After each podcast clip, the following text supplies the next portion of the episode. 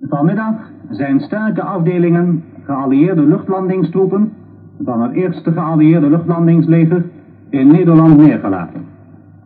In het kwartier van kwart voor vijf tot vijven zal een mededeling van de geallieerde opperbevelhebber worden voorgelezen die gericht is tot het Nederlandse volk en zal worden uitgezonden op alle golflengten van de BBC, ook die van de Home en de Forces programma's.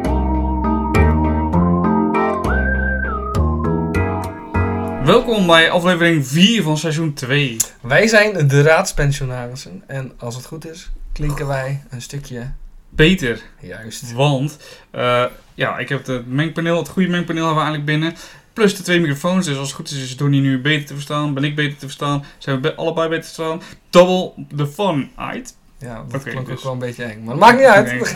Double team. Ja, We don't mind talking. Oké, ehm, in ieder geval, eh, dus welkom bij de Raadspensionarissen. We zijn natuurlijk een podcast met een geschiedenistintje. Eh, we zijn te volgen op Twitter, Instagram, YouTube. Eh, eventueel eh, te beluisteren, of niet eventueel, we zijn te beluisteren op Spotify, sowieso. Deezer, iTunes, iTunes, Soundcloud. Soundcloud. Dus, Nice. Alright, oké. ehm, ja, superleuk dat jullie weer allemaal luisteren. Eh, welkom nog weer, welkom terug. Ehm, fijn dat je er ook bent, Donnie. Ja, ik ben ook blij om hier weer te zijn, meneer de. Ja, met je, en vorige keer je met je een, een last van een bad case of aanstelleritis. Ja, nou, dat absoluut niet. Ja, Eh, maar eh, ja, ik was liever hier. Laten we het daarover hebben. ja, nou goed. Fijn dat je er weer bent.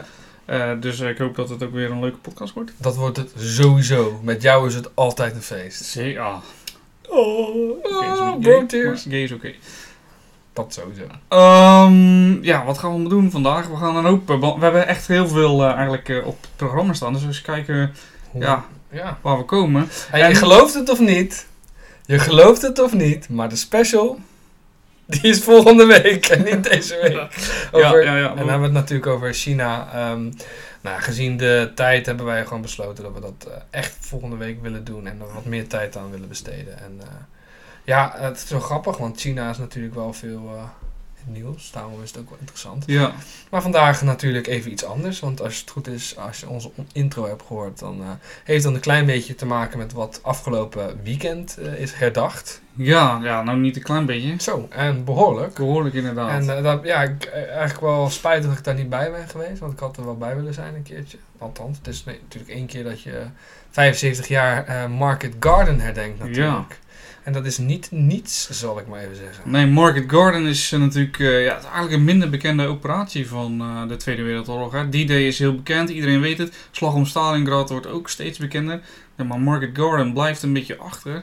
Hoewel het nu dus echt, eigenlijk extra aandacht krijgt. Ook bij het NO- NOS zijn er een soort nieuwsuitzendingen hebben ze gemaakt. Ja. Dat je dus, ja, met het, hoe het nieuws nu gemaakt zou worden, zou dan, gaat dan over de Market Garden. Dat Ja. hebben ze super tof gedaan. Super vet. Ja, dus, eh, ja, wat is Market Garden?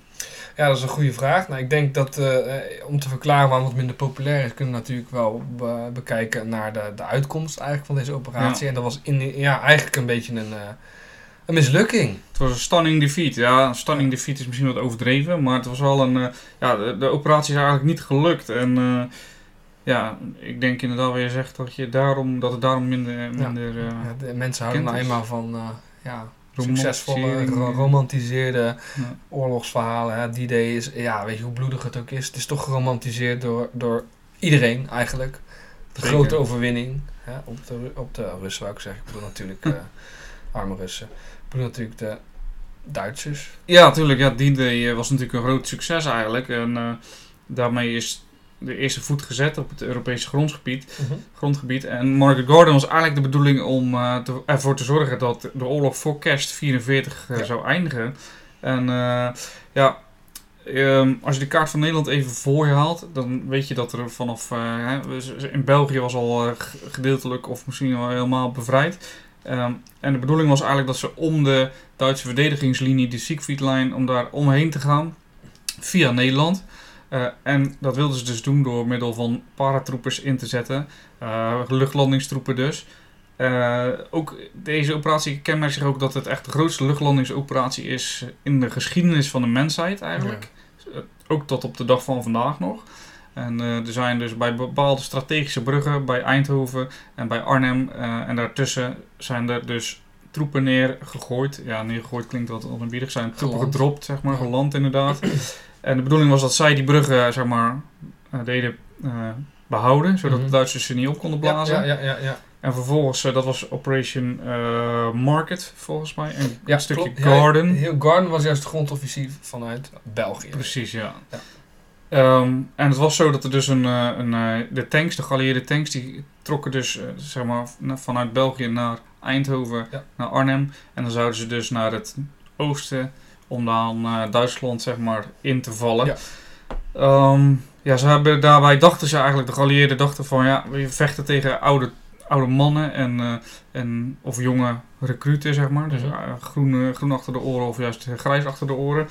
Plus de geallieerden gingen ervan uit dat na zeg maar, de successen van D-Day en eh, de daaropvolgende maanden, dat het Duitse leger eigenlijk aan het instorten was. Ja, niets, bleek, niets bleek minder waar te zijn. Eh, ook al is er geloof ik een SS-panzer elite divisie over het hoofd gezien. Of ze hadden hem wel gezien, maar ze wilden hem eigenlijk niet zien, zeg maar. ja. Ehm, dus ja, wat zie je? Ehm, die luchtlandingstroepen worden daar neergedropt. Nou, bij Arnhem, eh, er is ook een film van, A Bridge Too Far. Ja. Het is een super lange film en maar wel een, eh, ja, wel een mooie film. Sean Ben overleeft uiteindelijk. Oh, wauw. Ja, ja. Dat is bijzonder. Het is, eh, ja, dat is wel bijzonder. maar eh, ja, je ziet dus eigenlijk dat ze ook een foutje hebben gemaakt in de logistiek. Want de terrein is eigenlijk niet goed om panzervoertuigen te vervoeren. Dus wat moeten de, de tanks, die moeten via een tweebaans weggetje, moeten ze eigenlijk vanuit België helemaal naar Eindhoven, naar Arnhem. Ja. Eh, ja, en je kan je voorstellen dat je, dus, ik geloof dat er 24.000, 25.000 voertuigen daar reden. En je ziet dus als bijvoorbeeld de voorste tank dan pech krijgt, of die wordt kapotgeschoten, dat heel die kolonne staat stil. Ja, maar ja, ze kunnen er niet langs. Dus dat was, eh, dat was een reden waarom het zo traag ging, die, die opmars met die tank zo traag ging. Ja. Waardoor ze dus te laat steeds bij de bruggen aankwamen. Ja. Waarbij er dus een aantal bruggen opgeblazen waren. En de brug bij Arnhem is uiteindelijk weer terug door de Duitsers ingenomen. Mhm. Ehm, waardoor eigenlijk heel die operatie gewoon faalde. En eigenlijk, ja, ze hebben wel het zuiden van Nederland bevrijd, maar ze konden dus niet verder stoten naar eh, klopt. Duitsland Ja. binnen. En het was natuurlijk een gigantische parachutistenbrigade eigenlijk. En uit heel veel verschillende landen zelfs. Hè. Eh, dus er waren Verenigd Koninkrijk, Verenigde Staten, mensen uit Polen ook. Ja. Canada en ook Nederland. Dus het is echt een gigantische onderneming geweest. Ja, heel gaaf. Onder leiding volgens mij van Montgomery. Ja, de Britse Montgomery. Ja. Ja, ja het was inderdaad. ehm, ze hebben zeg maar alles stilgezet om resources, dus de, de- hoe noem je dat, materiaal en zooi te verzamelen om deze operatie uit te kunnen voeren. En uiteindelijk mislukt die dus. Ja. En we zien zelfs nog, en dat is eh, misschien een leuk item voor straks in, eh, met kerst, dat de Duitsers dus terugslaan met, ehm, ehm, met, de aan, met, de, met de slag om de Ardennen. ja. Dus ja, gefaald eigenlijk. Operatie gefaald. Ehm, ja, wel. Eh, gelukkig komt er nu meer bekendheid, want het is, ja, Ja. het is natuurlijk een, eh, ja, wel een belangrijk punt in Ja. de Tweede Wereldoorlog. Ja, het is dus afgelopen ehm, zaterdag is het herdacht. Ja. Zaterdag? Ja, was zaterdag. 75 jaar geleden dus. Dat is een flinke tijd geleden. Ja, het was een heel groot evenement is het geworden. Er zijn heel veel mensen op afgekomen. Ook heel veel veteranen op afgekomen die ook echt erbij waren. En helaas waren er zoveel mensen dat er zelfs een aantal veteranen zijn geweigerd. Ja, dat is bizar toch? uit het eh, VIP-vak. Dat is toch bizar? En ik had een interview gelezen van een van die eh, ja, eh, veteranen. Die zei van ja, er zaten ook mensen in dat VIP-vak die nog niet bestonden toen ik eh, daar landde. Dan denk ik, ja, daar heb je wel iets moois gezegd. Want jij hebt voor onze vrijheid gestreden. En ja, Ja. er zitten gewoon een aantal mensen daar op jouw plek eigenlijk. Ja, bizar. Dat is eigenlijk gewoon. Ja. Ja, Uit- uiteraard, uiteraard klopte er natuurlijk qua organisatie weer iets niet. Want die mannen gingen er volgens mij vanuit dat hun medailles voldoende zouden zijn om daar binnen te komen. En ja, je moest natuurlijk wel gewoon de juiste papieren hebben, als ik het zo heb begrepen. En daardoor, maar ja, goed, weet je, Ja. die mensen die horen daar gewoon bij.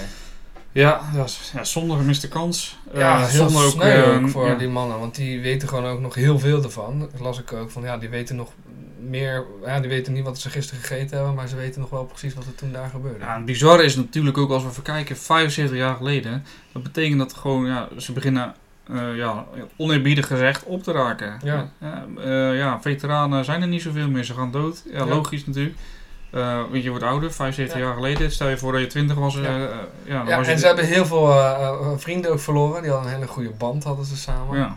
En eh, daar, ja, daar wil ik eigenlijk een linkje leggen met onze mooie quizvraag van vorige week. Die Oh, ik band. natuurlijk... Ja, ja, heb je hem? Ja, die was heel slecht, maar ik vond hem wel leuk.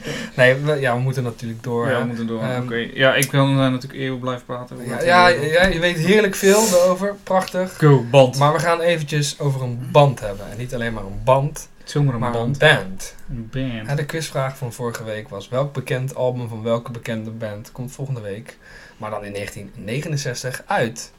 En eh, ja, er waren een aantal luisteraars die dit heel goed hadden. Nou, Zeker. Dat niet, eh, niet verkeerd. Super. En het antwoord is dan ook: Eh, Abbey Road van de Beatles. ja, nou, die kennen we allemaal wel, toch? Bekende Ja. foto. Ja, De muziek ken je zeker niet. ik niet man. Ik ben echt niet van de Beatles. Nou, ik zou je eerlijk zeggen, ik ken zeker wel een aantal Beatles nummers. Ja. Maar ik ben meer opgevoed met de Eagles en met eh, andere soorten muziek. Niet echt met de Beatles. Nee, snap. nee ja, heb ik ook. Ja. Ik ben eh, fan van Queen natuurlijk, dat weet Ja. iedereen wel. Ja, die waren wel iets later natuurlijk. Dat klopt, ja. Maar het interessante is dat de Beatles wel een soort... ehm, eh, ja, hoe zeg je dat? Een soort... Ja, de beatmuziek kwam toen op. Hè. Ja, ze zijn echt een van, althans, ze zijn volgens mij de grootste daarvan. En eh, hebben dat wel heel groot gemaakt. Ja, en ook echt een eh, soort uithangbord van de jeugd Ja, toen. Hè? ja Echt, vooral in eh, Nederland heel erg veel ook. Hè. Ja. De hippies kwamen ook op. Hè. Andersdenkend. En ook het einde een beetje van, van de zuilen. Verzuiling. Ja. Ja, ah, het mooie is natuurlijk, kijk, eh, 1969 is misschien nog wat later, maar je ziet natuurlijk hè, na de Tweede Wereldoorlog dat Nederland in puin ligt, dan krijg je de wederopbouw. Ja. Dan heeft niemand tijd eigenlijk om eh, dus een soort eh, jeugdcultuur te vormen, want daar Mhm. gaat het uiteindelijk om, de jeugdculturen. Eh, die hebben denk ik er ook voor gezorgd dat de, dat de verzuiling eigenlijk aardig kapte. Ehm, maar je ziet natuurlijk dat na die Tweede Wereldoorlog, die wederopbouw, mensen werken keihard, lonen worden laag gehouden, mensen hebben geen vrije tijd. Op een gegeven moment, hè, dan is Nederland aardig aan het, ja, gaat het weer beter met Ja. Nederland. Zeker. Je krijgt 40-urige werkweek, mensen weten niet wat ze moeten doen met hun tijd en dan krijg je de jeugdculturen. Ja. Ik denk dat de Beatles daar wel een, eh, een soort voorloper slash eh, ja. uithangbord van zijn. Ja, en ook de muziek, hè, weet je. eh, Lucy in the Sky with. Diamonds gaat over drugs. Nou, dat was ook een, een vrije tijdsbesteding van die tijd. Hè. Men ging ook echt drugs ontdekken. De jeugd dan vooral. Ja, dat werd ook weer iets. En dat ja, ging ook een beetje te- tegen het, eh, huidige, ja, het toenmalig huidige beeld in dat dat niet oké was. Ja. Tegenwoordig vinden we dat nog steeds eigenlijk niet oké. nee, Maar het wordt wat meer geaccepteerd dat als jij bepaalde... Ja, geestverruimende middelen. Ja, heel mooi gezegd. Mooi hè? Heel mooi. Ja. Ja, ehm, en eigenlijk van eh geestverruimende middelen, eh brugje naar Prinsjesdag. Oké, die is wel slecht. Ja, nee, die was echt heel ver te zien. Het was natuurlijk eh, Prinsjesdag. Lul er maar overheen. De derde dinsdag van september, Prinsjesdag. En ehm, ja, dat is, eh, dat is weer geweest. En eh, wat mij verbaasde was eigenlijk dat de grote discussiepunten die al een tijdje ja, eigenlijk aangekaart worden, dat, dat daar niks mee gedaan wordt. Hè? Eh, lerarentekort, eh, geld naar de leraren, helemaal niks. Eh, de zorg kreeg er geloof ik niet zo heel veel bij. Dus dat is wel bijzonder. Dus ik ben wel benieuwd wat de oppositie daar mee gaat doen. Ja, zeker. Nou wordt er wel geloof ik wat meer geld. hè, scholen worden wel gestimuleerd nu om ook het geld wat zij apart houden ook aan de docenten te geven. Want dat Ja. schijnt ook nog een ding te zijn, dat ze heel zuinig zijn. En Ja. dat ze dan een deel gewoon sparen eigenlijk. Dus dat gaat weer in de zakken van de investeerders Ja, eigenlijk. Ja, dat moet dus naar de docenten. nou, en terecht. onderwijsbersoneel, en niet alleen docenten natuurlijk. Dat vind ik wel terecht. Ja toch? Dus, Dat eh, mag ook wel. Maar voor Prinsjesdag is natuurlijk een korte naar eh, Koningsdag. Want volgend jaar stond in het nieuws dat de Koningsdag in Maastricht zal zijn. Oh, Dus eh, ja, ik, denk, ik heb een beetje het gevoel van dat ze dat als een pleister op de wond doen. Omdat ze natuurlijk het eh, oh ja, nou je het zegt, ja. Eurovisie Songfestival is in Rotterdam, niet in Maastricht. Dus gaat de koning maar naar Maastricht. Ah, ach ja. Dus, eh, goed, het was wel, ja, Koningsdag. ik vind Koningsdag altijd heel leuk. Ja, we zijn raadspensionaris, hè, maar toch heb ik altijd wel, vind ik Koningsdag wel grappig. Ik vind het altijd een beetje ongemakkelijk om dat te zien. Dan zie Ja. je zo'n eh, Willem-Alexander iets doen dat je denkt, wc-pot werpen. wat ben je aan het doen, jongen? Serieus? Ja, het zijn onze belastingcenten. Ja, dat is dus het hele punt. Ja, Nou, wat doe je? ja, ja. Maar ik weet dat dat, ja, dat is, dat is voor heel veel mensen heel leuk en de kinderen is het heel leuk. Ik heb er geen onderzoek naar gedaan, maar ik heb me wel laten vertellen dat hij best wel wat geld binnenhaalt met zijn handelsmissies zeker, bijvoorbeeld. zeker. Dus eh, nou ja, goed, ik heb eh, geen slecht woord op zich voor hem, behalve dat hij geld verdient. Terwijl, nou ja, laat maar. Maar in ieder geval, de koninklijke familie die zal dus in Ma- Maastricht zijn volgend jaar. Eh, nadat ze in Dordrecht zijn geweest. eh, In Zwolle, en Tilburg, Groningen en Amersfoort. Eh, Dordrecht even de eerste eh, waar de koning is geweest. Dat wil ik nog even benoemen. Dordrecht, Dordrecht, Ja, ja, Dordrecht. ja. Dus, maar waar komt dat Koningsdag nou eigenlijk vandaan? Ehm, dat is wel grappig. Ik heb daar even na- een beetje ingedoken van ja, ik vroeg me wel af hoe we komen eigenlijk aan die Koningsdag. Hè? We weten allemaal dat het eh, de verjaardag ooit is geweest van, eh, van onze koningin.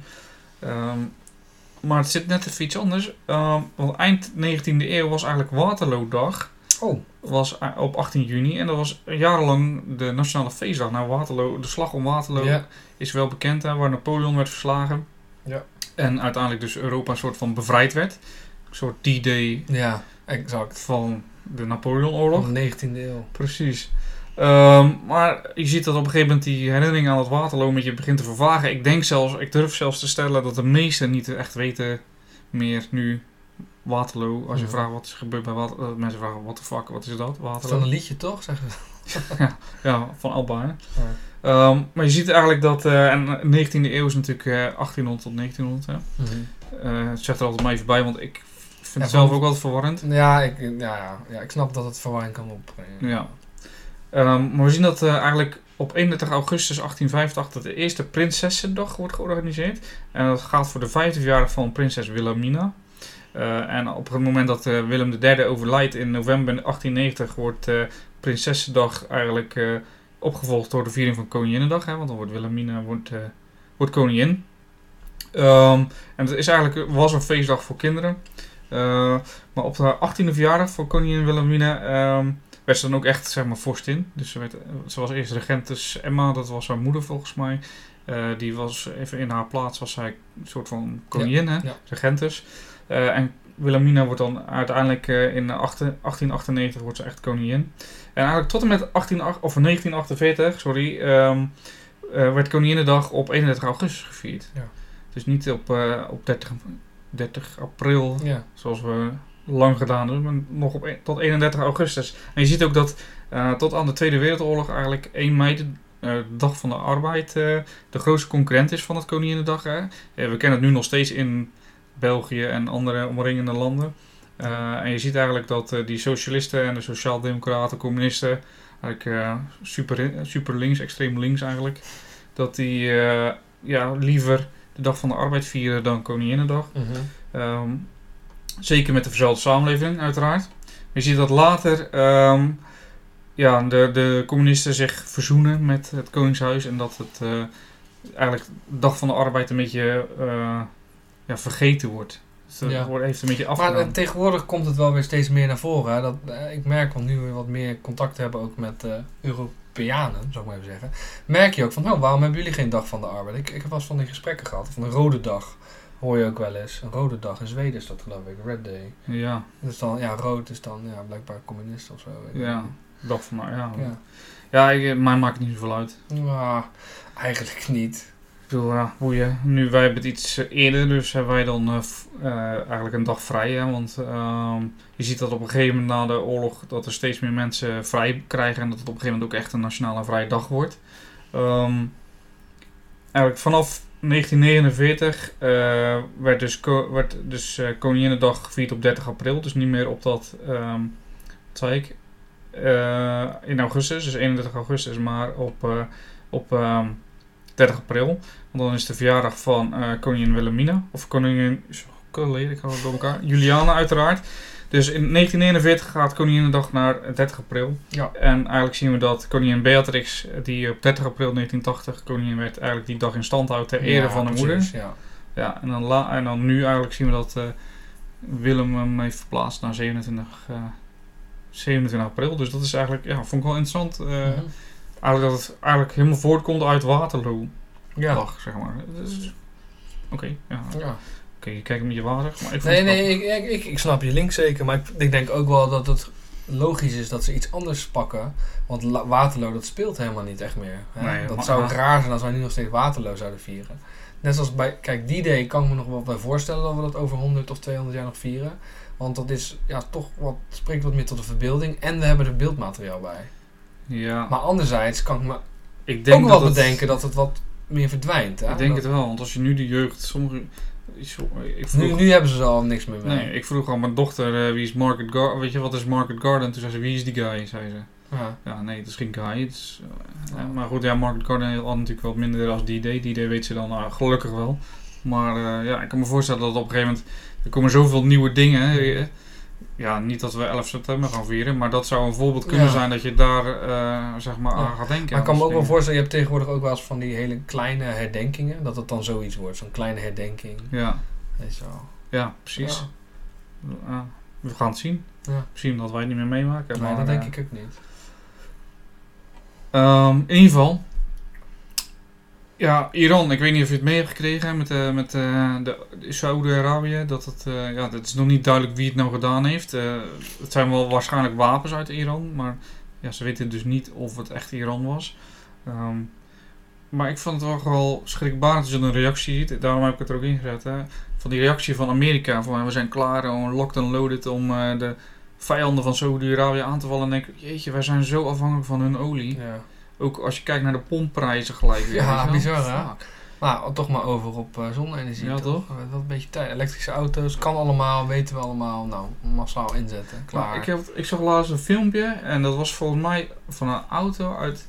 Het was voor mij voor de Tweede Wereldoorlog of net daarna. Dat er een bestelbus was die al elektrisch reed. Ja, niet zo gek toch? Het kan, het kan gewoon. Ik denk, fuck man, dat is dus 70, 75 jaar geleden. Het kan En al nog steeds kunnen wij niet. Het is gewoon die, ja, de, de- de- gewoon economie. En ik snap het ook wel, want de economie zou compleet instorten als je van dag 1 op dag 2 overgaat op een heel al- nieuw systeem. Maar het is toch wel een beetje ah, bizar. Ja. Kom op zeg. Ja, eh, nou ja, wat, kijk, ik kan me nou voorstellen dat je dat. Dat je de olie misschien nog wil, maar dat je dan zo afhankelijk bent van landen uit het Midden-Oosten. Dat is wel bizar. Ja. Dus, en ik denk dat ook, zolang we dat hebben, dat onze band met het Midden-Oosten eh, moeilijk te herstellen is. Dat denk ik ook. Dus eh, ja, goed. Ja, maar het is gewoon dat, ja, nou ja, goed, laten we daar verder niet over te diep op ingaan. Nee. Ja, want anders dan krijg je weer van die dingen dat je kan zeggen van ja, er zijn zoveel handjes, westerse handjes die daar een soort van baat bij hebben, dat ze dat niet willen loslaten. Ja, bizar. Ja. Nou, waar we ook niet te diep op in moeten gaan, maar wat er wel is, is de brexit nog steeds natuurlijk. Oh ja, wow. Holy crap, gaat het ooit gebeuren? Oh, no, no, no, nee, ik weet het niet. Eh, pff, ja, ik denk dat het wel gaat gebeuren, maar eh, eh, ik heb het gevoel, dit is echt zo'n situatie dat ze gewoon eigenlijk wachten tot Europa zegt, jongens, het is oké hoor, maar dat gaat niet gebeuren. Nee. dus dat, Nee, dat zou ik ook heel stom vinden. ja, dat, dat, dat gaat ook niet gebeuren. En ik denk dat ze nu merken ook van, jongens, ehm, die harde brexit is niet oké. Nee. Dat is niet gezond. En er zijn een aantal mensen die denken, ja, dat is wel goed. Maar ja, dat heel erg veel mensen in Groot-Brittannië die ervaren dat als gevaarlijk. Ja. En ik snap dat absoluut. Ja, zeker. Het is een soort eh, Half-Life 3 of zo, weet je wel? Brexit. Ja. Komt nooit uit. ja, dat is zeker waar, man. Maar ja, het is vervelend. Ja.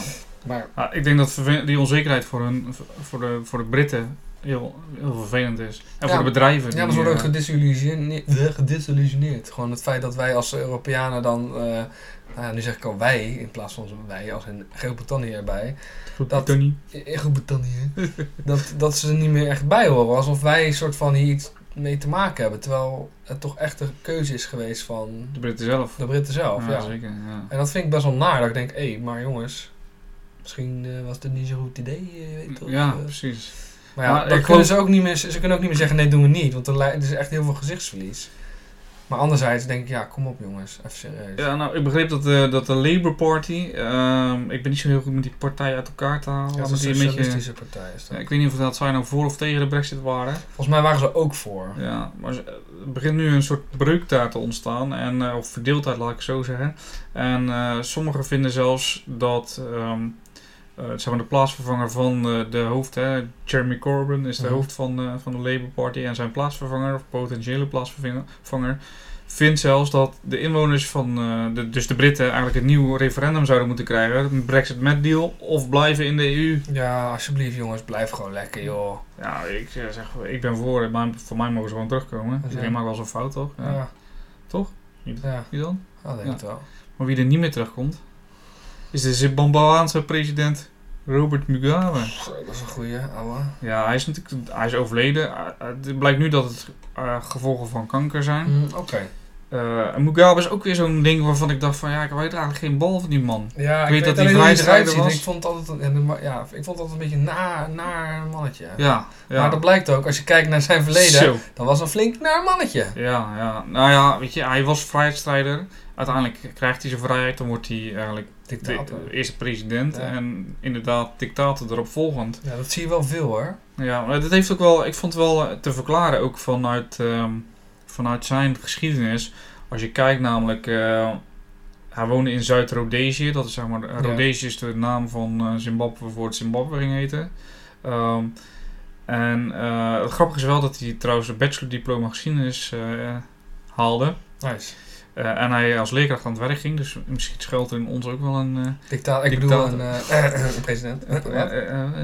Dus, maar ja, eigenlijk wilden ze vechten tegen de, de Engelse overheerser. Daar Ja. komt het op neer. En ehm, ja, Mugabe zelf die raakte een beetje ge, ja, gedesillusioneerd. Zo, stuur je naar mijn woord? gedesillu- ja. ja, inderdaad. But, but I did it right the first time. Ja, dat is true. Maar hij raakte dus een beetje, eh, ja, hij baalde ervan, laat ik het dan even zo zeggen, zal ik je woord niet altijd. Eigenlijk van de status van zijn geboorteland, eh, dat het een kolon- kolonie was. Dus hij wilde vechten tegen die witte elite. Ehm, en ze roepen dan ook op een gegeven moment een, eh, een, een zelfstandigheid uit. Hij werd namelijk ook lid van de Socialistische Partij daar. En ehm, ja, zijn overtuiging is op een gegeven moment dat dus de dekolonisatie alleen maar kan plaatsvinden aan de hand van oorlog. Ja, geweld. Van geweld. Ehm, dus hij zegt dan ook in 76, 1976 dat de enige oplossing voor Rhodesië om, eh, om dus onafhankelijk te worden uit, het, eh, uit de loop van een geweer moet komen. Ja. En ik denk dat daarin ook het stukje wat hij dan later dictator wordt ziet. Want je ziet dat er zeg maar eh, de Britten die zeggen op een gegeven moment ja luister eh, jullie kunnen dat wel willen maar zeg maar, de etnische groep die het grootste is die moet, die moet aan de macht komen. Anders kunnen jullie niet onafhankelijk worden. En je ziet dat die groepen dus onderling met elkaar gaan vechten Ja, ja, ja. om dus de grootste etnische groep te worden. ja. Dus daaruit zou je kunnen, kunnen ja, van daaruit kan je misschien wel redeneren waarom die later dus ook zijn tegenstanders gingen Ja. opruimen en zo. Ja. Eh, maar in 1979 kwam eigenlijk de oorlog van, eh, tegen de Britten ten einde. En eh, ja, wordt het dus Zimbabwe. Ja. En wordt hij president. En hij is eigenlijk de langzittende president-achtig iets in de wereld. Langs Ja, hij heeft heel lang gezeten. Dus hij heeft heel lang gezeten. Klopt, ja. Dus eh, ja, dat, ik vond hem eh, reet interessant. Ja. Eigenlijk. Dus ik hoop jij ook. Zeker, zeker, zeker. Hey, hebben we nog wat data voor komende week? 23 tot 29 We september. hebben fucking veel data voor Ah, volgende week. sowieso, elke dag is er wel wat. Maar Ja. we kunnen even een paar... We kunnen niet alles eh, natuurlijk benoemen, dus vergeef ons. Vergeef ons alstublieft. Dus, maar, wat interessant is, vandaag op 23 september 1846 wordt de planeet Neptunus voor het eerst waargenomen door de Duitse astronoom Johann Gottfried Galle. Hij is niet de eerste, Nee. want de ontdekker is een of andere fucking Fransman. Ja. Urbain Le Verrier. Ja, zo, ja, Aubin. Denk ik Aubin. dat Aubin. Oh, Laura zou Oh, zich schamen als ze Ombar. dat mij zo horen. Ja, dat denk ik ook. Eh, in ieder geval, die Fransman was, eh, heeft als ingenieur, ingenieur en later als chemicus gewerkt. En heeft ehm, zich eh, sinds 1839 helemaal aan de planetenstudie, ja, helemaal daarin gestort, zeg maar. Ja. En in eh, 1896 berekent hij eigenlijk op basis van storingen in de beweging van de planeet Uranus. Uranus. waar de onbekende pla- planeet, dus in dit geval Neptunus, ja, waar die zich moet bevinden. Maar de Duitse astronoom heeft dus de eerste die hem echt waarneemt. Ja. Dus dat is wel cool. Dat is zeker cool. Ehm, ja, en dan misschien gaan we eigenlijk naar, eh, even kijken hoor, 23 september 1122. Dat is echt heel lang geleden. Ja, en dat, ik vind het een beetje meer voor jou, maar ik vind het, ik vind het een beetje jou. dat heeft er dus mee te maken dat eh, ja, het corda- eh, concordaat van Worms wordt dan een poging gedaan om de, ja, de investituurstrijd te beëindigen. Ja, investi- ik vind het heel interessant. Ik ben er ja, het enige wat ik weet is dat, het, eh, dat de paus en de, en, de, en de keizer met elkaar aan het knokken waren wie nou de, de, de baas was eigenlijk. Ja, dat is het korte verhaal inderdaad. Hè. Ook benoeming van de, de bisschoppen vooral. Hè. Dat de, de, de, de, de- je hebt de geestelijkheid en je hebt de wereldlijke macht. Denk aan keizers en koningen die dus allemaal eigenlijk wat te zeggen wilden hebben. En we weten dat de, de paus is de plaatsvervanger van Jezus eh, voor de, eh, de katholieken. En in die tijd was iedereen in Europa katholiek. Als dat niet was, ja, dan moet je je stilhouden. Of je was een jood, zal ik Ja. maar even zeggen. Eh, maar ja, hij was eigenlijk de baas. Alleen ja, in de werkelijkheid was het wel zo dat de, ja, de koningen en de, de, de heren en de keizers eigenlijk alles een beetje draaiende hielden. En die hadden ook wel wat te zeggen. Ja, En uiteindelijk gingen die ook, die wilden ook gebruik maken van bisschoppen. waarom? Nou, bisschoppen, dat, als je een stukje land aan een man geeft. Hè, ik geef bijvoorbeeld een, een, een, stukje land aan een man. En dat wordt een, een, heer. En die heer die gaat voor mij regeren op dat stukje land. Nou, die heer krijgt uiteindelijk eh, drie zoons. Nou, hij deelt zijn land weer op in drie stukken. Nou, vele honderden jaren later zie je dat al dat gebied is eigenlijk eh, erfelijk geworden. En dat is dus van een bepaalde eh, familiestam geworden. Ja, dat is Dus- dus wat je niet wil. Hè? En als je als koning dat gebied weer terug wil, heb je een probleem. Want dan is het best lastig om dat terug te krijgen. Dus wat wilden ze nou? Ze wilden die bisschoppen daar planten. Want dat is een goed voordeel. Zo'n bisschop, dat was een geestelijke, ja, die mocht geen kinderen krijgen. Dat deden ze wel, sommigen. Maar dat was niet de bedoeling. Dus wanneer zo'n bisschop overleed, moest het land weer terug op de koning, eh, van de koning worden. Of van zijn zoon, of weet ik veel wat. Ja. Zodat er meer eenheid was. En daar ging het eigenlijk een beetje om. Ja. Dus eh, noemen we ook feodalisme, hè, wat er ontstaat eigenlijk nadat eh, het Romeinse Rijk wegvalt en eigenlijk geld niet meer echt gebruikt wordt. Dus ja, de, de koning moest op een andere manier zijn generaals belonen. En dat was dus door middel Ja. van, land. Ja, dat is wel het vroege gedeelte, dit is het late gedeelte eigenlijk. Hè. Maar het gaat dus in principe om het conflict eh, van het benoemingsrecht van de hoge geestelijkheid. Dus in dit geval bisschoppen, et Ja. cetera.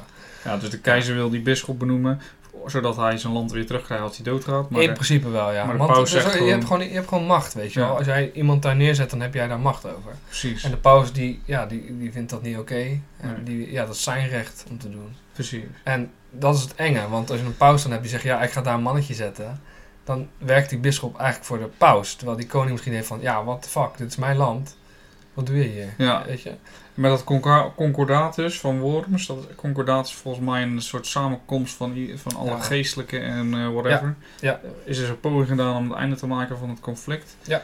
En uit mijn hoofd mochten de keizers wel benoemen, maar met instemmingsrecht van de paus, zoiets geloof ik. Ja, dat zou goed kunnen. Ik durf daar ook eerlijk gezegd nu zo hier zitten daar niet iets over een uiteindelijke uitspraak over te doen. Maar volgens mij is dat inderdaad zeker waar. Maar de, pa- de paus komt wel als winnaar uit deze, Ja, ja, uit zeker. deze, uit deze Ja, want het mooie is dat die paus die zegt gewoon eh, tegen de keizer van jij bent niet meer lid van mijn kerk. Ja. En dat betekent vogelvrij, dus dat betekent dat iedereen hem gewoon mag vermoorden eigenlijk.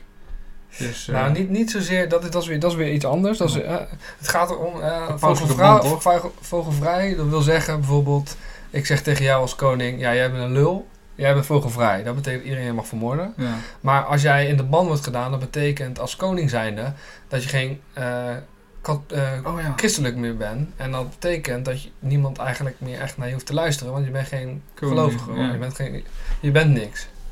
Mine is blue. Ja, dat, dus die, eigenlijk had die paus best wel wat te zeggen. Ja, sneaky hè? Sneaky Ja. paus. Sneaky, sneaky, sneaky. Ja, oké. Ja, super vet. Ja.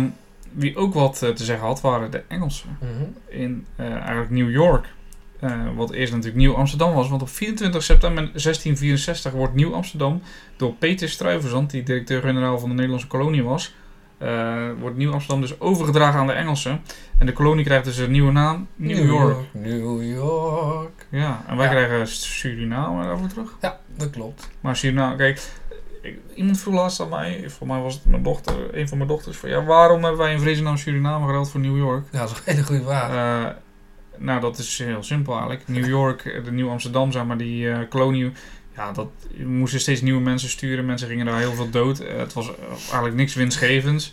En Suriname, daar waren allemaal ja, ja. En winstgevend. Dus ja. ja, maar anderzijds, het was wel een hele mooie havenplek, Nieuw Amsterdam. Absoluut. Tuurlijk. En daar waren wij natuurlijk heel goed in. daarom wilden de Engelsen het ook hebben. Ja, en ook, laten we eerlijk zijn, eh, de Engelsen hadden gewoon wat meer macht. Ja, uiteraard. Dus die hebben het wel een beetje geforceerd. Ja, we hebben wel een goed cadeau gekregen, zou ik maar zeggen.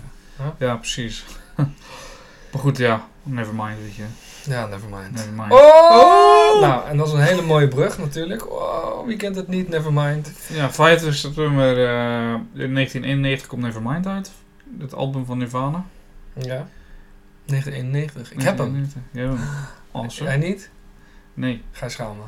Ja, ik heb hem op mijn Spotify. Ja, oké. Maar ik heb echt, eh, die plaat ook echt eh, grijs gedraaid. Ja, tuurlijk. Kijk, ik heb hem natuurlijk wel tien jaar later ontdekt, maar dat is heel veel met Nirvana. Dat, Ja, ja, ja, goed. Wij zijn... eh, in dat opzicht zijn we net te laat geboren. Ja, maar ja, maakt uit. Goed, Mensen luisteren nu nog steeds naar de Beatles. ja toch? Ja. Super vet. Ja. Nevermind, dat was wel echt eigenlijk het album van, eh, dat kent iedereen wel, het album Hoes van een baby, een baby onder, onder water die achter een, eh, een dollar of zo aanzwemt onder Ja. water met een vishengel. Ik heb, ze hebben wel later wel eens die vent teruggevonden Ja. die er was, hè? Daar hebben ze een foto van gemaakt. super vet. Ja. Ik weet niet, hij niet eens een naki, maar... Nee, volgens mij niet. Nee. of wel, ja, kan ook. Maar goed, dat was dus wel het album van het populairste, denk ik, album van Nirvana. eh, maar ook, denk ik, het meest gehate album van Kurt Cobain zelf. Eh, want het werd te commercieel en hij was heel erg tegen commercieel en, eh, Ja, en, en zodoende. en hij pleegt zelf moet op een gegeven Hij heeft uiteindelijk ook zelfmoord gepleegd, ja. Klopt. Vet, vet, vet, kut. Ja. Ja, ik wou net zeggen, waar ga jij heen met niet, deze? niet vet, maar kut gewoon. Ja, ja net zoals, eh, ik wilde zeggen, net zoals eh, van Linkin Park, hè, die zanger. Ja. Laatst eh, zat ik dingen te luisteren, toen Linkin Park, en toen dacht ik, fuck, hij is ook al dood. Ja, 2017 alweer. Ja. Ja, op een gegeven moment, als, Chester. Chester Benningfield, ja. Ja. Maar op een gegeven moment kan ik het niet meer relativeren, want dan is het gewoon te moeilijk om ja, te leven met jouw problematiek, zou ik maar even zeggen. Zeker, maar wie heel goed kon relativeren. Oh. Oh, je, je kaapt hem gewoon. Ja, sorry. Dat geeft niet. Ga maar. 26 september 1905 is natuurlijk wel de rockstar van, eh, van eh, scientist Albert Einstein. Eh, ja, die publi- publiceert zijn relativiteitstheorie. Ja, tijdschrift Analen. De Annalen der Fysiek. Wist je trouwens dat hij ehm, geïnspireerd was door een, een Nederlandse wetenschapper? Nee. Dat was zijn held, zeg maar. Ik ben de naam alleen echt even kwijt. Nee, dat weet ik niet. Maar die had allemaal berekeningen gedaan die hij gebruikt heeft in zijn relati- de relativiteitstheorie. Vet. Maar goed, veel Nederlandse zooi wordt uiteindelijk gebruikt. Dus dat is, eh, dat is niet verwonderlijk, maar wel vet natuurlijk. Ja, het is superleuk. Maar dat was echt zijn... er werd ook gezegd door een andere wetenschapper... dat als Einstein een Einstein moest uitkiezen... dan had hij hem uitgekozen. Cool. Ja. Ehm, ja, vet. Ehm, even kijken hoor. Ook, in, eh, ook op 26 september, maar dat 1983, voorkomt eh, Stanislav Petrov een eh, mogelijke kernoorlog. Zo, ja. Doordat, een, doordat hij een melding van vijf intercontinentale raketten die richting de Sovjet-Unie zouden zijn afgevuurd, als loos alarm te melden. Ja, dus hij is echt, wordt gezien als iemand die heeft gezegd niet terugschieten. Ja. Ja, toch? Daar Ja. gaat het toch om. Ja, dus eigenlijk zien zij op een soort radarachtig schermpje vijf raketten aankomen. Ja. En hij is de enige die zijn eh koel eh, bewaart en zegt van nee, nee, nee, dit is, dit is niet echt. Dit is, eh, dit is loos alarm. En het blijkt ook loos alarm te zijn. Hè? Dus ja, hij voorkomt daarmee natuurlijk dat de Sovjet-Unie terugschiet. Oftewel, schiet. Oftewel, ja, dus Ja. ja, precies in eerste instantie zou schieten dan, hè, in dit geval. En hij voorkomt daarmee de derde wereldoorlog, denk ik. Ja. Is dit niet geromantiseerd? Weet ik niet. Er zijn wel meerdere verhalen natuurlijk. Je hebt ook die verhalen van, van de, met de Cuba-crisis. En met die onderzeeër. eh, dat er een Ja. onderofficier niet zijn toestemming geeft om een eh, nucleaire aanval uit te voeren. Ja. Eh, en wat uiteindelijk dus ook blijkt dat het dus ja, een goede call was van hem. Om dus de derde wereldoorlog te voorkomen. Ja, natuurlijk kan het geromantiseerd zijn. Ik weet het niet. Misschien Ja. dat hij ook extra informatie kreeg van zijn onderdanen of zo. Ja. Maar ja, ik weet het niet. Maar in ieder geval, het is voorkomen. Heel dankbaar zelfs. Ja, toch? Ja, absoluut. Wat, deze vind jij super gaaf, Ja, denk ik. of absoluut. niet? 27 september 1822. Ja, als jij dit niet helemaal geweldig vindt, dan weet ik het ook niet hoor. Ik vind het super geweldig, maar ik weet dat jij het eh, super, super geweldig vindt. nou, eh, er komt weer zo'n Franse naam die ik heel lastig vind. Nou, een Franse geleerde, dus Jean-François Champollion. Wow, ging best oké. Ging Oh, oké. oui, oui, oui. Nou, die, heeft, eh, die is dus heel bekend dat hij de steen van Rosetta heeft ontcijferd. Ja, en dat was En- op 27 september 1822, ik weet niet meer wel. Ja, dat zei ik al. Oh, sorry. Letten, ja. Sorry, dude. Nou, maar dat is dus heel bijzonder, want de steen van Rosetta dus gevonden. Dus eigenlijk is een granieten steen. En die is in 1799 gevonden. Hetzelfde jaar als dat de VOC failliet ging. Even tussendoor, weet je. Maar dan gaan we even door. Eh, wat is nou bijzonder aan deze steen? Er staan drie verschillende talen op. En twee talen zijn heel erg belangrijk daarvoor, denk ik. Dat zijn de Egyptische hieroglyphen. Die we niet konden ontcijferen. En de Griekse vertaling van deze tekst. Dus wat was hier nou zo bijzonder aan? Is dat door middel van deze talen kon hij dus eigenlijk eh, de hieroglyphen ontcijferen. Waardoor wij nu onze namen kunnen schrijven in het hieroglyphenschrift. Ja, we weten dus eigenlijk wat... eh, eigenlijk toen pas werd het bekend wat de hieroglyphen wat Ja. inhield, zeg maar. Dus nu kunnen we dat lezen. Dat Ja. is heel bijzonder. Dankzij die steen. Ja. Een soort woordenboek. Stel je, ja, je, stel je voor dat Ja. je een tekst in het Arabisch hebt en in het Nederlands. En dat je dan... En daaruit kan je het afleiden. Kijk, de Ja. vertaling zal nooit 100% soepel zijn. Nee, zijn. Het zal niet helemaal 100% kloppen. Maar we kunnen het wel letterlijk, bijna letterlijk vertalen. Ik moet niet zeggen letterlijk, dat is natuurlijk niet waar. Nee. Dus het is een heel erg bijzondere, eh nou vond wil ik niet zeggen, want het was al gevonden. Maar het feit dat hij het ontcijferd heeft is heel bijzonder. ja, en belangrijk. Ook Zeker. voor onze on- Ja. begrip van eh, Egypte. Ja, ja, zeker. Vooral het oude Egypte denk Ja. ik dan. eh, de tijd voordat de Grieken daar ja, gingen mengen met de Egyptische volking. precies. Wat ook Super een heel vet. interessant stuk trouwens. Alles is interessant. Ja. 28 september 1950 is ook interessant, want dan wordt Indonesië toegelaten tot de Verenigde Naties. ja, Dus je ziet dat ze dus in 49 worden ze onafhankelijk. En eh, een jaar later mogen ze bij de Verenigde Naties. Eh, ja, leuk om te benoemen. vooral goed voor, Zo. ja, vooral goed voor Indonesië Ja. denk ik. Dat ze de steun ook hebben van eh, de. VN. Nou dan, is Ja. geen fabeltje waar we het over hebben. Nee, nu. het zijn allemaal geen fabeltjes. Jongen, Ze staan jongen. zeker niet in een krant ook. Nee, zeker niet. Maar wat wel in de fabeltjeskrant stond, Ja. was eigenlijk de poppenserie de fabeltjeskrant. Want op 29 sep- Oh, Oké, dat is echt slecht. De NTS zendt op eh, 29 september, 29 september 1968 voor het eerst de fabeltjeskrant uit. Eh, ja, ik, ik heb het wel gekeken eigenlijk vroeger. Ja, ik ook. Ik kan het niet heel erg go- goed ik herinneren. Wel een beetje de beelden. En ik weet ook dat een tijdje geleden nog een een of andere supermarkt met een blauw logo een aantal van die poppen eh, verkocht. Een tijd Ja, geleden. Ja. Ja, dat, ja, cool. dat was best wel leuk eigenlijk om weer te zien. eh, ja. Ja, ja het de, wie kent de fabeltjeskrant niet, hè? Het grote dierenbos, eh, waarbij er natuurlijk een soort van elke keer een nieuwe aflevering met een nieuwe gebeurtenis, avontuur of Ja. whatever was. Eh, bekende figuren, eh Bor de Wolf, Ed en Willem Bever, juffrouw Ooievaar en natuurlijk Meneer de Uil. meneer de Uil. Ja. Die onderbuk is van... Oké, dat is slecht. Ja, Ja, leuk man. wow, nou we zijn al aardig ver en eh, ja, we hebben het eigenlijk wel een beetje gehad denk ik, want volgende week doen we de eh, China China special. special. Ehm, dus rest ons alleen nog even, ga ik jou nog even ondervragen. Ik vragen voor jou. Oh ja, man, ik heb ook gevraagd. Eh, Weet je, we gaan even bij jou beginnen. Wat bij dacht je mij? daarvan? Oh, ik heb, shit, ik nee. heb, hè, we doen tegenwoordig nog Oh, iets, iets nieuws. Doen we even een aantal vragen om elkaar een beetje te jennen eigenlijk. Ja. Hè, want eh, als je Ja, onder druk staat met een microfoon, dan is het toch best wel nasty. ja. En het, zijn leuke feitjes Het, soms. zijn- het, het zijn soms ook wel leuke voor feitjes. jullie ook. Goed, en dan heb ik er eentje die eh, heel erg eh, goed gelinkt is aan volgende week. Daar komt hij. Volgende week. Wat was de grootste archeologische vondst van de 20e eeuw in China? In China? Ja, jammer joh. Jij dacht dat hem al had, hè? Ja, wat? In China, nou, dat is heel logisch. Ja, China was... eh, dat was even denken hoor. Fuck, weet ik veel. Chinese muur? Dat was het Terracotta leger. Het terracotta leger, fuck. vondst van het Terracotta leger. Dat was Tuurlijk. natuurlijk iets heel bijzonders. Er waren allemaal stenen beelden die gevonden zijn. Van een, eh, een ik weet niet welke keizer uit mijn hoofd.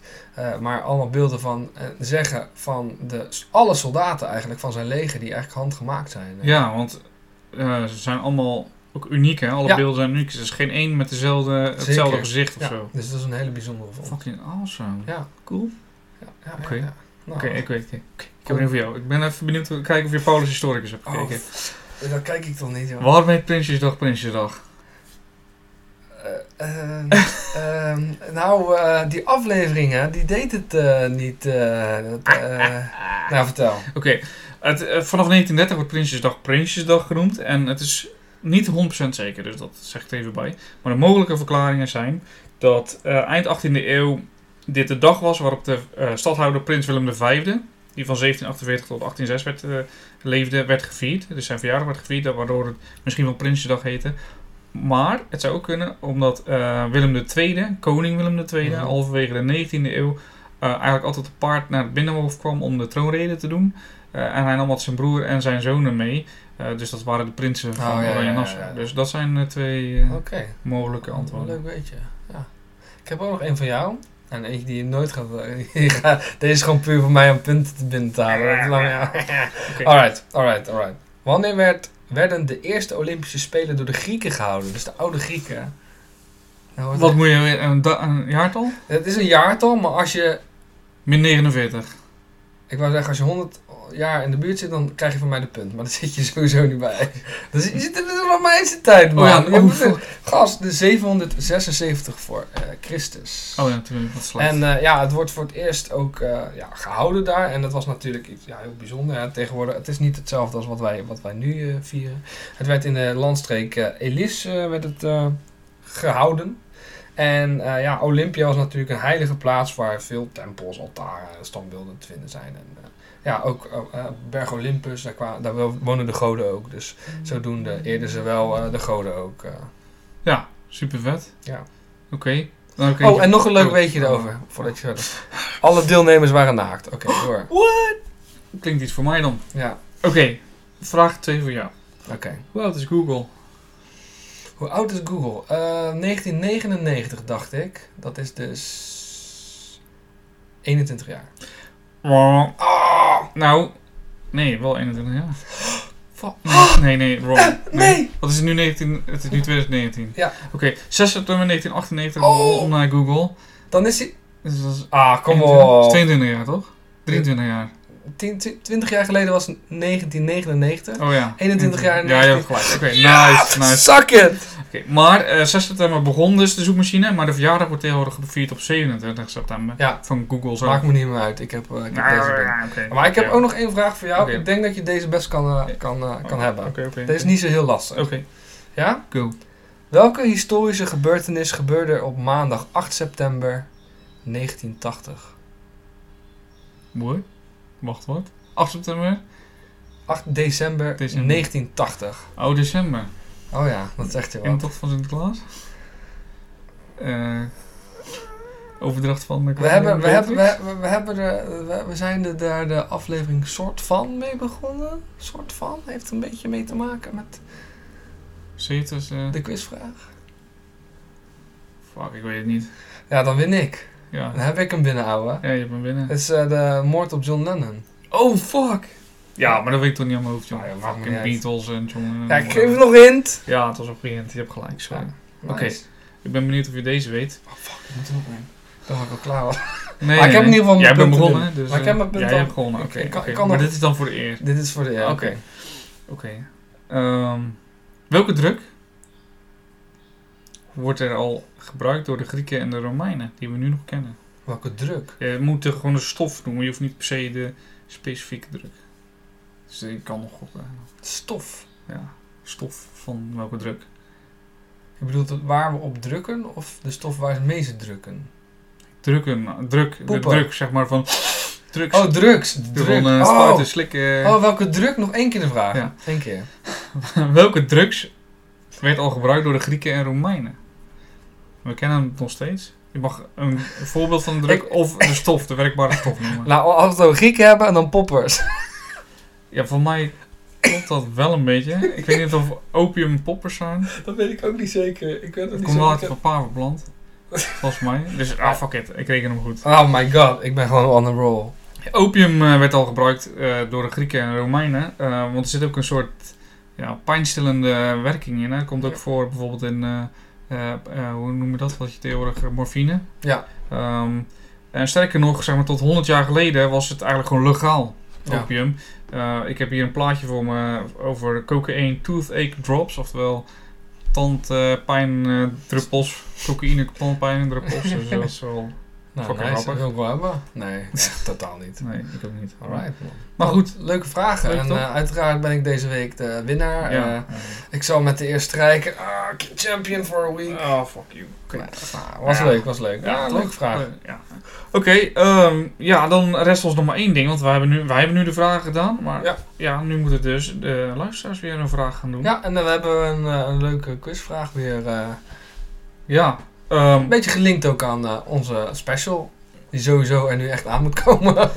ja, eh, en dat is eigenlijk... Aan welke drugs waren de Chinezen in de 19e eeuw massaal verslaafd? ja, nou, ik ben benieuwd of jullie die weten. Ik ben ook heel erg benieuwd. Ja. En dan eh, was dit weer een leuke aflevering. Zeker. Ik hoop dat jullie ons goed kunnen verstaan met onze Ja. nieuwe microfoons. Ik hoop niet dat we in die oren aan het gillen zijn. nee. Dat hoop ik ook echt. Ja, dat ja, inderdaad. Dus nee, dat hoop ik ook niet. Nee. Dus eh, oké. Nou, Dus, eh, eh, laat ja. even weten of je er iets van vindt. Ja. Vind je het heel fijn? Vind je het niet fijn? Ja, laat weten inderdaad of ons geluid beter is. Oh, ja. Oh, en laat ook Oh. even weten. ik had, we hadden het idee om, er zijn mensen die wij misschien nu een beetje in contact komen, dat we wat populairder worden. Of je het leuk vindt als wij een keer een interview zouden doen met oh ja, wat goeie. eh, bekendere historici, zou ik maar even zeggen. Precies. Dat zou wel vet zijn. Zou vet zijn. Ja. Ik zou het leuk vinden om te doen. Zeker. Vinden jullie het leuk om te horen? Dat is de vraag. Ja. Wat vinden jullie van onze nieuwe quiz dat we elkaar bevragen? Ja. Ja, geef gewoon feedback eigenlijk, dat is een beetje het idee. Dat kan natuurlijk op ons Twitter-account, op het Raadspersoon. Dat kan naar ons eh, Instagram, de Raadspensionarissen. Eh, Gmail. De Raadspensionarissen Gmail. Ja, dus laat ons wat weten. Ja. En bedankt weer voor het luisteren. Zeker, zeker. En ja, tot volgende week. Later.